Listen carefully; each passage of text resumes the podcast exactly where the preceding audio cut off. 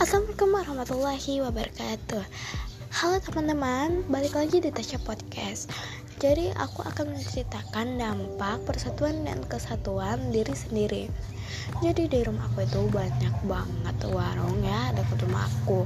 Jadi mereka itu bekerja sendiri-sendiri Dan menyebabkan ada yang berpenghasilan dikit, ada yang berpenghasilan banyak. Karena itu uh, dia tidak bekerja sama ya. Jadi ada warung aku itu ya ruang apa warungnya rumah sendiri ada yang warung punya bosnya ya ada warung di depan rumahnya gitu. Oke itu saja. Wassalamualaikum warahmatullahi wabarakatuh